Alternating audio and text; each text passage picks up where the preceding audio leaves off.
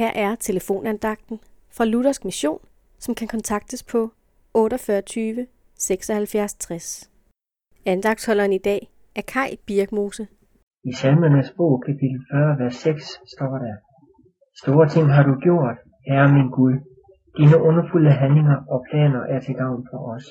Ingen står mod med dig. Jeg vil fortælle og berette om dem, men de er for mange.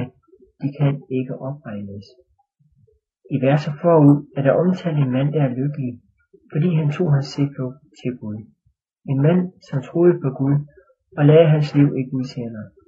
Hans erfaringer viderebringes i dette vers. Guds handlinger med ham var underfulde. Har du lagt dit liv i Guds hånd og bedt ham om at styre og lede dig, til du når målet, himlen, så er du lykkelig. For der må du vide, at Gud han leder og fører os af de bedste veje i livet.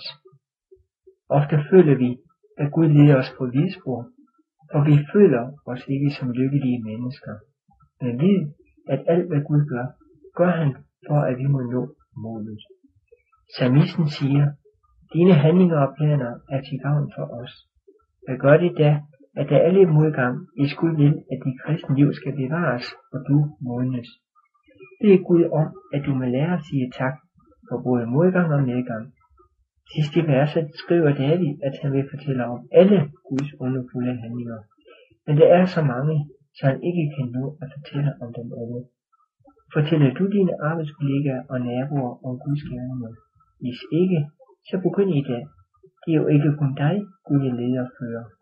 Nej, han vil, at også din omgangskreds må se frelsen og opleve hans nærvær og ledelse. Amen.